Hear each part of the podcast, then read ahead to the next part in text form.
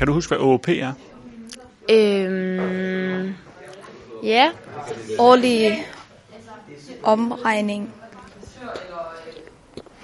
Vældig lidt, vældig lidt. Uh, det, I, øh. Ja, jeg kan sgu ikke lige helt huske det. Nej, det er sgu også svært.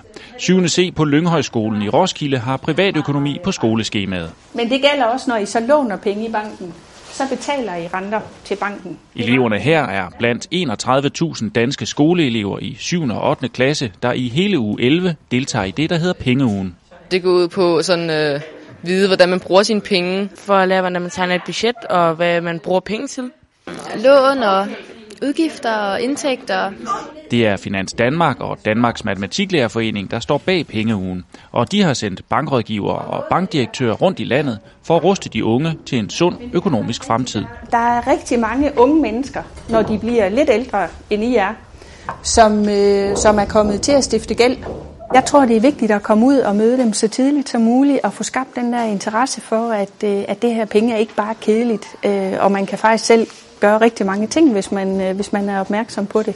Hvad man har udgifter, og hvad man tjener, hvordan kan man skabe lidt opsparing. De synes, det er rigtig spændende at lægge deres eget budget, selvom mange af dem stort set ikke har nogen, øh, nogen indtægt andet end lommepenge. Så øh, kan de sagtens sætte sig ind i det med at have styr på deres penge.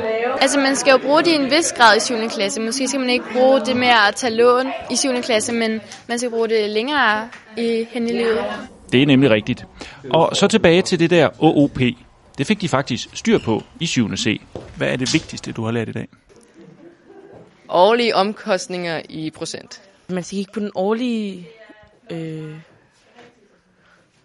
de årlige omkostninger øh, i procenter, når det man tager et lån.